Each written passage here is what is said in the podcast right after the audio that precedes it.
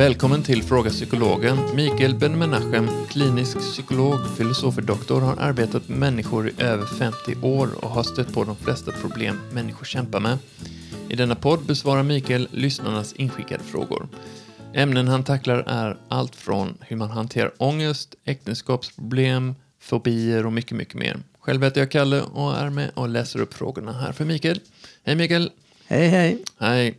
Vi har fått flera lyssnarfrågor som rör eh, att gå ner i vikt och känna att eh, det är svårt att dels komma igång med det, men när man väl är igång med det att kanske det försvinner den vanan och man är där från ruta ett igen och så kanske det går en tid och så försöker man igen och så under en period kör man och sen släpper det av och på, av och på hela tiden. Vad, ehm, vad säger du från ditt psykologiska perspektiv om, eh, om detta fenomen? Ja, man kan eh, naturligtvis säga en hel del. Och ehm, eh, som vi brukar säga, vi börjar från början. Och, ehm, och det har vi redan pratat om en del. Att, att de nu blivna mammorna, de är ju mycket ängsliga och oroliga eh, för att, eh, att de inte eh, klarar moderskapet tillräckligt bra.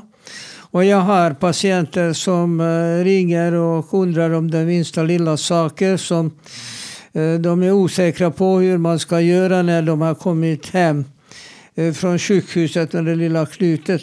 Mm. Och ehm, det här finns ju lite riktlinjer om hur, hur man ska sköta barnet och hur mycket barnet ska väga.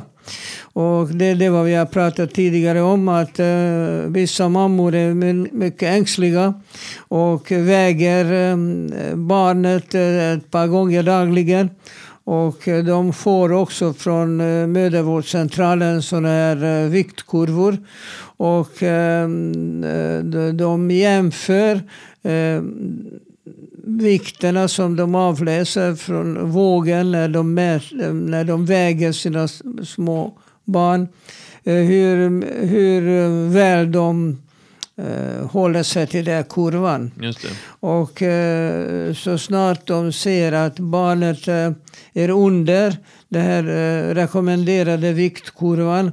Eh, då blir de ängsliga och försöker och, eh, och mata barnet extra mycket eller göra allt. Eh, tänker att det kanske eh, modersmjölken inte räcker. Mm. Eh, eller att, eh, att mata barnet eh, hela tiden. Och det finns ju olika skolor i sammanhanget om man ska mata eh, bebisen i bestämda tider. Eh, eller så ska man inte göra det utan så snart barnet visar tecknen på eh, att eh, hon är hungrig så ska, ska man ge bröstet.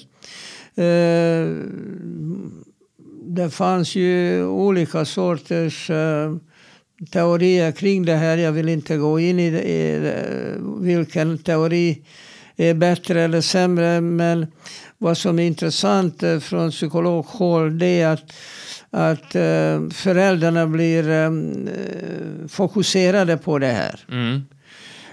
Hur mycket barnet väger. Men i själva verket om barnet för övrigt är friskt så spelar det verkligen inte så mycket roll. Eh, hur mycket barnet eh, väger och hur, hur nära hon håller sig till den här viktkurvan. Eh, jag tror egentligen att man kanske inte borde ha den här viktkurvan hem med sig. Mm. För att det gör mer skada än nytta. För att ett litet barn är inte van vid att, att få näring genom munnen vid födseln. Utan de måste ju hitta bröstet, de måste hitta mat. Och, eh, och det är något nytt för barnet. Hon, hon vet inte vad är det för känsla som vi vuxna kallar för hunger. Mm. Det har de inte känt tidigare. Och det är något nytt. Och det som barnet uppfattar av det här, antar jag, det är att det är något som är obekvämt. Och eh, det är en naturlig reaktion för barnet att um, när någonting är obekvämt så försöka komma ifrån det här. Så att det blir bekvämt igen. Och eh, när hungern eh, dyker upp och eh, barnet först, vet inte först vad det är för något. Men hon märker barnet är oerhört eh, läraktiga. Och märker väldigt snabbt att eh, får de näring så försvinner den här otrevliga känslan. De lär sig rätt snabbt. Det andra eh, som, saken som är intressant i sammanhanget att eh, när mamman lägger bebisen på bröstet eh, då är det inte liksom bara att öppna kranen och få in lite näring. Utan det här är kroppskontakten, mm. kroppsvärmen tryggheten. För att det som barnet har ju känt i mammas mage under många månader. Det här oerhörda, eh, säkra, sköna, härliga känslan. Och eh, det är det som saknas mest eh, i början. Att det här är en helt ny värld som barnet befinner sig i. Ljudmässigt, ljusmässigt Eh, det här är en hel massa andra ljud som man inte är van vid eller åtminstone inte i den styrkan som, eh, som öronen uppfattar.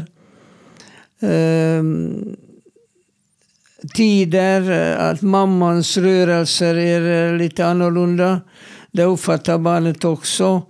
Att, att här kommer ju känslor som hon inte har känt tidigare.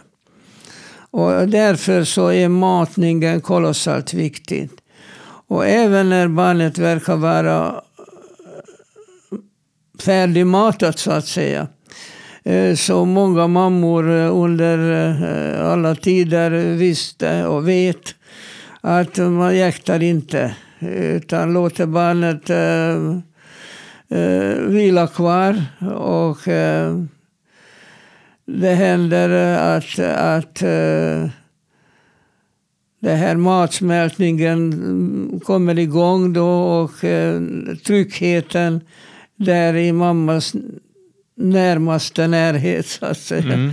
Är väldigt skönt. Och, och då brukar man klappa barnet på ryggen varför så att det ska rapa lite grann när eh, hon har eh, sugit åt sig eh, mat så har hon också sugit åt sig luft. Och eh, den här luften kan skapa irritation i magtrakterna och det, det visste ju och vet kvinnor från alla tider att bebisen måste rapa lite grann så att det ska kännas skönare i magen. Så allt det här präglar en upp till åldern, eller vuxen ålder menar du? Ja, det här ehm, att eh, matintaget eh, kopplat till eh, mammans närhet. Det är en av de finaste sakerna mm. och de bästa belöningarna som en människa kan få. Mm. Och tillsammans med, ehm, med sömn och sexuella upplevelser och avslappning, det är de eh, avgörande för hur bra en människa mår. Alltså mat är ju kolossalt viktigt. Och mat kan ju betyda mycket annat också. Mat betyder inte bara näring, det betyder smak. Att man utvecklar ju sina mm, smaker genom att eh, så småningom så blir det lite annan mat också. Och eh, då får barnet lära sig att det finns ju andra smak också. Inte bara mjölksmak utan det finns ju spaghetti och köttfärssås och mycket annat som kan finnas. Och småbarn är i början mycket konservativa och deras matsedel är, är 10 centimeter lång. Så att de kan ju fortsätta att äta ju samma sak eh, hur länge som helst. Och jag har haft patienter som i 40-årsåldern inte åt något annat än chips och eh, hushållsost. Mm -hmm. Och eh, de blev inte sjuka av det här. är lite ensidig mat men, eh, och föräldrarna eh, ansträngde sig inte att, eh, att, eh, att eh, försöka locka barnet till andra smaksensationer också. Eh, så att ville barnet ha bara hushållsost och chips så fick hon det. Men i själva verket så är, tanken att vår kropp ska må bra. Är att man äter en mångsidig mat. Och hur mycket det här maten ska vara. Det beror på många olika faktorer. När mamman koncentrerar sig så våldsamt eh, på att eh, barnet ska följa det här eh, viktkurvan, då händer det ofta att antingen så äter barnet för lite eller tvärtom. Och sen så, så länge man är hemma så det spelar ingen roll. Barnet kan äta hur mycket som helst. Jag, tidigare när jag hade småbarn så, så tyckte jag att man ska mata barnen Eh, bestämda tider. För att föräldrarna är också människor och de behöver sin nattsömn och så vidare. Så resonerade jag som ung psykolog. Eh, jag har ändrat mig. Mm. Och eh, det gör jag ofta. Eh, så att om jag får lite reaktioner på det här så kan det hända att jag ändrar mig eh, på nytt. Men ehm, nu anser jag att ett barn, eh, en bebis, ska få mat när hon är hungrig. För att bli blir lugnade av det här och eh, är nöjdare för det mesta. Det är onödigt att ett så pass litet människa, ett så pass litet barn, eh, ska ha en del otrevliga känslor. Så är hon hungrig så bör hon få mat, även om mamma måste kanske stiga upp klockan två eller tre på morgonen. Eh, barnet vill ju sova mera så småningom så att det här eh, brukar försvinna av sig själv. Eh, en annan sak är att barnet vill ha den här närheten och ofta så går ofta mammor, sällan pappor med barn i armarna under flera timmar per natt. Mm. Och eh, det är nog eh, av två skäl. Dels för att eh, barnet är obekväm av någon anledning. Eh, kanske ont i magen, kanske är mycket luft i magtrakterna eh, eller något annat. Det kan vara bakterier av olika slag. Eh, eller så vill helt enkelt ha mammas eller pappas närhet. Och det, det vill hon alltid ha. Men att när barnet kommer sedan till, till eh, lek, eh, Eh, då är barnen så pass gamla att de tittar på varandra och kommenterar. Och då kommer, dyker ofta upp det första viktproblem.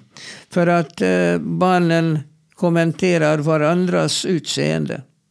Och det är inte ovanligt att fyra femåringar eh, kan kommentera ett barn som kanske är lite runt. Och att här kommer tjocka Kalle. Och de här första kommentarerna är bestående. Och även om du annars är helt normalt viktig så att säga. Mm. Så du reagerar på de här påståendena från dina lekkamrater eller gruppmedlemmar. Så att säga. Och eh, du börjar se dig själv som tjockis. Och eh, du kanske inte väger så mycket mera än vad du kanske borde göra enligt den här viktkurvan. Och för det andra så vi människor är väldigt olika eh, på, på många olika sätt. Den här kurvan bara mm, visar en sorts medelvärde. Men om vi nu säger att eh, genomsnittsåldern för kvinnor i Sverige är 80 år. Det betyder att det ska finnas eh, minst hälften som väger mera. Mm. Så att om, om det, här baby, det här lilla fyraåringen, säger vi, Eh, väger eh, ett visst antal kilo så är det minst 10 procent mera är fortfarande normalt. Men barnet kanske inte upplever det så för att han får såna här eh, feedback, eh, påpekanden, sina kompisar. Och barn kan ju vara rätt så grymma och de kan hitta på allt möjligt för, att, eh, att reta en kompis. Och det är ett ämne för sig varför de gör så. Eh, hur som helst, barnet får i sig att det är någonting fel med, med hennes vikt. Och eh, det, det, kan ju fortsätta eh, så för att eh, vi människor är ju fantastiskt utvecklade organismer. och det är bara Gud som kan skapa sådana här komplicerade och, och tro, otroliga organismer. Mm. Jag menar bara om vi tittar på vårt näringssystem och hur blodcirkulationen transporterar näringsämnen. Om du bara tittar på hjärnan. Och hjärnan är ju en organ eh, som inte kan ut, eh, ut, eh, öka sig för att det befinner sig i ett mycket bestämt område. Nämligen skallen. Det är ett mycket, mycket bestämt område. Mm. Men eh, själva hjärnan är, är eh, oerhört eh, näringshungrig. Och det är ju blodkärlen som transporterar all näring till hjärnan. Och eh, om man då lägger ihop alla blodkärl som finns i människans hjärna. Håll dig Kalle. Mm. Det är ungefär 600 kilometer. Wow. Va? Att eh, det är, från, från Göte, det är mer än från Göteborg till Stockholm. Utan är också halvvägs tillbaka. Mm. Och det innebär att, äh, att näringstillförsel är väldigt viktig. Och äh, en, en människa mår bra av det här. Att få äh, bra och, och näringsrik och mat regelbundet. Problemet är bara det att, eh, att, att människor upplever sin kropp eh, på många olika sätt. Och vi är inte konstruerade så att vi, vi är likadana. Annars så skulle vi vara någon sorts eh, uh, lombig bebis. Eller klonade sådana. Och det innebär att vi har svaga punkter. Och alla människor har någon kroppsdel eller någon eh, funktion som eh, är lite svagare än det andra. Och eh, vi märker att det finns vissa människor som är, känsliga när det gäller ryggen. Även om, om ortopederna inte tycker att det är något fel med ryggen så kan de ofta uppleva ryggont eh, folksjukdom i Sverige mm. förresten. Mm. Andra är mer känsliga när det gäller magen. Och även när läkarna inte finner, tack och lov, något problem med magen så ändå så har de ofta ont i magen. Andra är känsliga, min hustru arbetar med det här, och ofta har huvudvärk. Och även om läkarna, neurologerna, inte hittar något direkt eh, någon, någon, direkt eh, orsak till den här huvudvärken så har de det ändå för att eh, det är deras svaga punkt. Och så vidare. För att många argumenterar eh, med mig när jag pratar om eh, mat och, och övervikt att eh, det handlar om de här bruna fetterna. Det har du kanske hört talas om. Mm. Att det är, vissa människor är det lättare att tillgodogöra sig de här fetterna och andra eh, svårare. Mm. Ja, visst, visst mm. det är klart. Eh, det finns ju människor som från början, och det finns i den genetiska koden, eh, har lättare att bli tjockare än andra. Mm. Det, det, det, är bara så. Mm. Och eh, vi, vi är inte klonade, vi är olika. Och det betyder att så snart du vet att det här är en, en svaghet hos dig, att du har, oavsett orsaken, lättare att gå upp i vikt än andra, så vet du att det här är ett problem hos mig. som, eh, som jag eh, måste helt enkelt parera. Och det är väl inte så märkvärdigt. Den som brukar ha huvudvärk eh, försöker parera på något sätt. Eh, de som har ont i ryggen också försöker parera och så vidare. Det, det här är naturligt att eh, man, för, man försöker att göra någonting när man har upptäckt att det finns en svaghet i kroppen.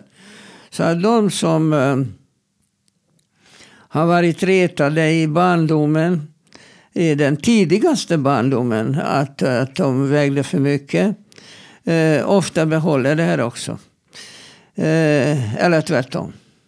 För att det kan ju svänga ju våldsamt.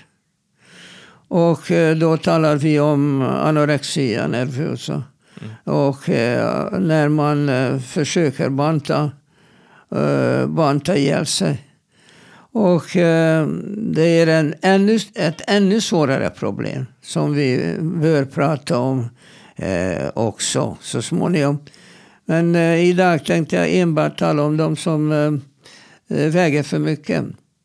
Igår, på väg, eller eh, igår hade jag bestämt mig efter jobbet att jag skulle gå till gymmet. Och um, jag hörde, när jag lyssnade in på mina egna tankar, så var det konstant en, en, en, dialog eller monolog i mitt huvud över anledningen varför jag inte skulle gå till gymmet. Sådär. Nej, men jag gör det imorgon. Nej, men jag kan göra eh, något annat istället. Eller bla, bla, bla. Det var liksom ända in till jag kom in på gymmet var det i mitt huvud en men ström. Du gick, men, du men jag gick ändå och det, även när jag satte igång med liksom uppvärmning och sådär så var den rösten igång i huvudet. Nej men håll inte på att värma upp nu, det är jobbigt här, gå, det, gå ut nu istället. Och till slut så försvann den rösten när jag väl var igång för då kom endorfinerna och allt det där liksom ja. sköna med, ja just det, det, där, det här är ju härligt att röra på sig. Mm. Men ända upp till liksom gymmet så var det liksom där ja, men rösten. Då, då Kalle, det, det är jag tacksam för att du tog upp det här. Ja. för att det här är ju, du har varit nära ett annat viktigt ämne. Ja. Som jag tänkte också ta upp. Och eh, det här är eh, handlar om. Det har ett eh, väldigt fint, elegant eh, utländskt namn. Mm. Och eh, det glömmer alla om jag lämnar det. Utan det handlar om att fördröja. Okay. Att fördröja. Och det är ett ämne för sig. Att vi fördröjer saker. Och, eh, Prokrastinering, eller hur? ja, Nej. just det. Nu har du sagt det. Det var inte jag som sa det. Nej, okay. Nej. Och det, det, är precis så det heter. Ja. Och eh, det är ju också ett mycket viktigt psykologiskt problem. Eh, att skjuta på, skjuta på och inte göra. Och eh, det är i ditt huvud du, börjar den här resoneringen om eh, ska jag göra nu eller imorgon, är jag för trött mm, eller bla mm. bla bla. Ja, ja, eh, och, men det, det, disciplin och att du har bestämt att du ska gå dit ändå. Ja. Övervann det här ska jag säga, uppmaningen att skjuta på. Mm. Men det är ett annat ämne, låt oss inte gå in i det. Mm. Jag lovar att jag ska ta upp det. Mm. Hur som helst, uh, när man har ju varit uh, överviktig, nu naturligtvis det här är också en definitionsfråga för att om man nu tittar på kroppsvikten och det här hur kroppsvikten är eh, Eh, korresponderar till, till längden, kroppslängden, eh, så, så får vi fram en siffra. Och eh, den här siffran också är ett medelvärde. Och vi kan ju säga så här väldigt enkelt utan att krångla till. Att om du väger 100, eller tvärtom. Om du är 170 3, säger vi, 173 mm. centimeter lång. Din normalvikt skulle vara ungefär 73 kilo plus minus 10. Eh, procent. Och det innebär att eh, om vi ser den lägre gränsen, 73 minus 10 procent är 7 kilo. Så att 65-66 skulle vara fortfarande en normalvikt för dig. Mm. Och 80 kilo är fortfarande en normalvikt. Alltså mellan 60 6 eller så och 83 det är din normalvikt i, i stort. Mm. Eh, så att eh, om du, om du är 173 centimeter lång och väger 80 kilo så skulle man medicinskt sett inte kalla dig för överviktig. Nej. Det, det, här är väldigt viktigt att, att det här är mer än så som vi talar för överviktiga. Och eh, naturligtvis, det här är så med allt annat eh, som vi kallar för kognitiv dissonans. Det betyder att vi, vi förklarar för oss eh, varför vi gör vissa saker. Och um, det är samma eh, kognitiv dissonans gäller även det här eh, frågan. Att du förklarar för dig själv att du inte är för tjock. Och så småningom, och det tar inte så lång tid, så uh, du ser inte dig själv som tjock. Kanske andra gör det, men det är bara barn som är ärliga och talar om för dig att du är tjockis. Men uh, är du 30 år och är på en arbetsplats så skulle ingen arbetskompis gå fram till dig och säga tjockis, tjockis. Det skulle du inte göra. Nej. Det gör man inte i vuxen ålder. Då, då har man lärt sig att, uh, att hålla mun. Eh, och det är inte säkert att vederbörande själv eh, är då medveten om det. Om, de, om ingen påpekar det här längre. Eh, så, så lever vederbörande med den vikten. Som kan ju ha ju katastrofala följder också. I vissa länder är antalet enormt obesa, enormt överviktiga människor är rätt så stort. Jag tror inte att det är så stort problem i Sverige, men det förekommer. Mm. Och eh, då, då, betyder det att det är väldigt viktigt att man talar om eh, modervikt eller eh, normalvikt eller övervikt. Mm. Och eh, så länge man befinner sig i en viktzon som är, överskrider Eh, medelvärdet mer än 20 procent så bör man egentligen inte tala om ett viktproblem. Eh, en hel del människor eh, väger så här mycket och mår bra av det här och inte, inte har några större problem med det. Så är det okej. Okay. Däremot människor som är väl medvetna om det här och, och kämpar emot det och ofta inte lyckas med det, eh, då är det, då är det ett helt annat problem. Mm. Och eh, tack och lov så är vi här i Sverige är väldigt vana vid att äta en mångsidig kost. Det är inte så i många andra länder. Och då om man äter mycket grönsaker, frukt, fisk, Eh, och det, det är vad vi kallar för mångsidig eh, kost. Mm. Och, eh, då behöver man inte oroa sig för vikten om man har normalt motion och rörelsemönster. Mm. Så brukar man hålla sig inom de här ramarna. Däremot om vikten är betydligt högre och man är orolig för det här, vikten. För att det har ju eh, det tar med sig eh, mycket allvarliga hälsoproblem. Mm. Och, och då ska man naturligtvis arbeta med det. Men det här är allt för oftast eh, inte ett, eh, psyk, ett eh, fysiskt problem. Det här har en del med din syn på dig själv, disciplin och självförtroende att göra. Har, har du livskvalitet som innebär att du har en rätt så realistisk bild om dig själv och även om din vikt och även varför. och bestämmer dig för att eh, göra någonting åt det här så är, eh, är problemet ur världen. Det finns människor som konstaterar att eh, de är inte kapabla att göra det och söker medicinsk hjälp. Och numera finns det operationer där de opererar och förminskar magsäcken. Och så kan man helt enkelt inte äta för mycket.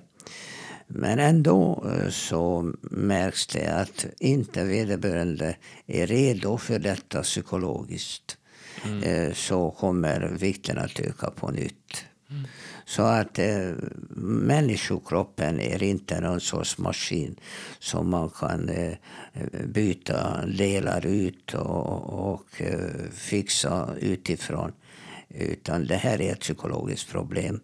Och eh, har någon eh, av dem som har signalerat eh, sådana här problem så kan gärna kontakta mig. För att det här eh, problemet eh, bör behandlas psykologiskt mm. och inte med hjälp av operation. Det anser jag inte. Ja, det måste börja i huvudet och med motivation och att man har bestämt sig och sådana grejer. Det, ja. A och O skulle jag nog säga. Ja, det är ungefär som nyårslöften att eh, från och med idag eh, så och så. Men det är inte så lätt. Nej, jag menar om någon i 50-60 års ålder bestämmer sig för att någon ska väga mindre det kräver en hel del av en människa. Mm. Det, det, kräver att man lägger om hela sin livsföring. Och eh, det här att äta och äta för mycket och äta felaktigt, eh, det ändå innebär en hel del nöjen. Mm, och om man tar eh, det här nöjet ifrån vederbörande, då måste vi anamna, se till att vi eh, hittar på något annat istället. Mm. Och det går rätt så bra faktiskt. Eh, de flesta sådana här saker som rökning. Jag rökte ett tag och jag visste att det var inte bra för mig. Så jag slutade röka för att eh, vid varje måltid, jag kunde inte vänta på att, eh, att eh, sluta äta så att jag kunde tända på. Nej. Och när jag bestämde mig för att sluta röka så visste jag redan då som psykolog att jag måste hitta något annat istället. Och det finns ju olika botemedel för att hitta på något annat. Mm. Och jag i själva verket hittat på att, att dricka läsk istället. Eh, så då kunde jag inte vänta på att, att ha min eh, cola eller något sånt, Pepsi. Men då kom min fru eh, hem och sa att det här är inte bra att dricka sådana bruna drycker. Eh, ja, vad ska jag dricka då? Jag dricker sodavatten. Och eh, hör och häpna. Jag eh, har programmerat om mig och under måltiden så kan jag inte vänta på att få dricka lite ja, sodavatten. Ja. Ja. Så, så, så lätt kan det gå ibland. Ibland så är det jobbigare. Det har ofta med disciplin att göra. Och disciplin har människor, det är också ett ämne för sig. Eh, som i stort eh, har rätt så bra åsikt om sig själv. Mm. Att de inte känner sig som misslyckade på något sätt. Mm. Då, då, då, har de rätt så bra disciplin. Så att återigen så är vi tillbaka till eh, eh början. Att det här har med hela människan att göra. Mm. Ja. ja, men bra grejer. Uh... Om ni har några frågor om uh, viktökning, viktminskning, träning eller andra mentala mm, Kräver saker. psykoterapi. Det kräver ja. psykoterapi. Ja. Gör inte på något annat sätt. Det Nej. blir inte bra. Nej, du ser. Mm. Ja, men, uh, skicka frågor till Mikael direkt till, uh, via fraga, fraga psykologen gmail.com. Antingen det eller kan du följa honom på Instagram, Facebook och kommentera eller fråga den vägen. Men då tackar vi för idag. Tack själv.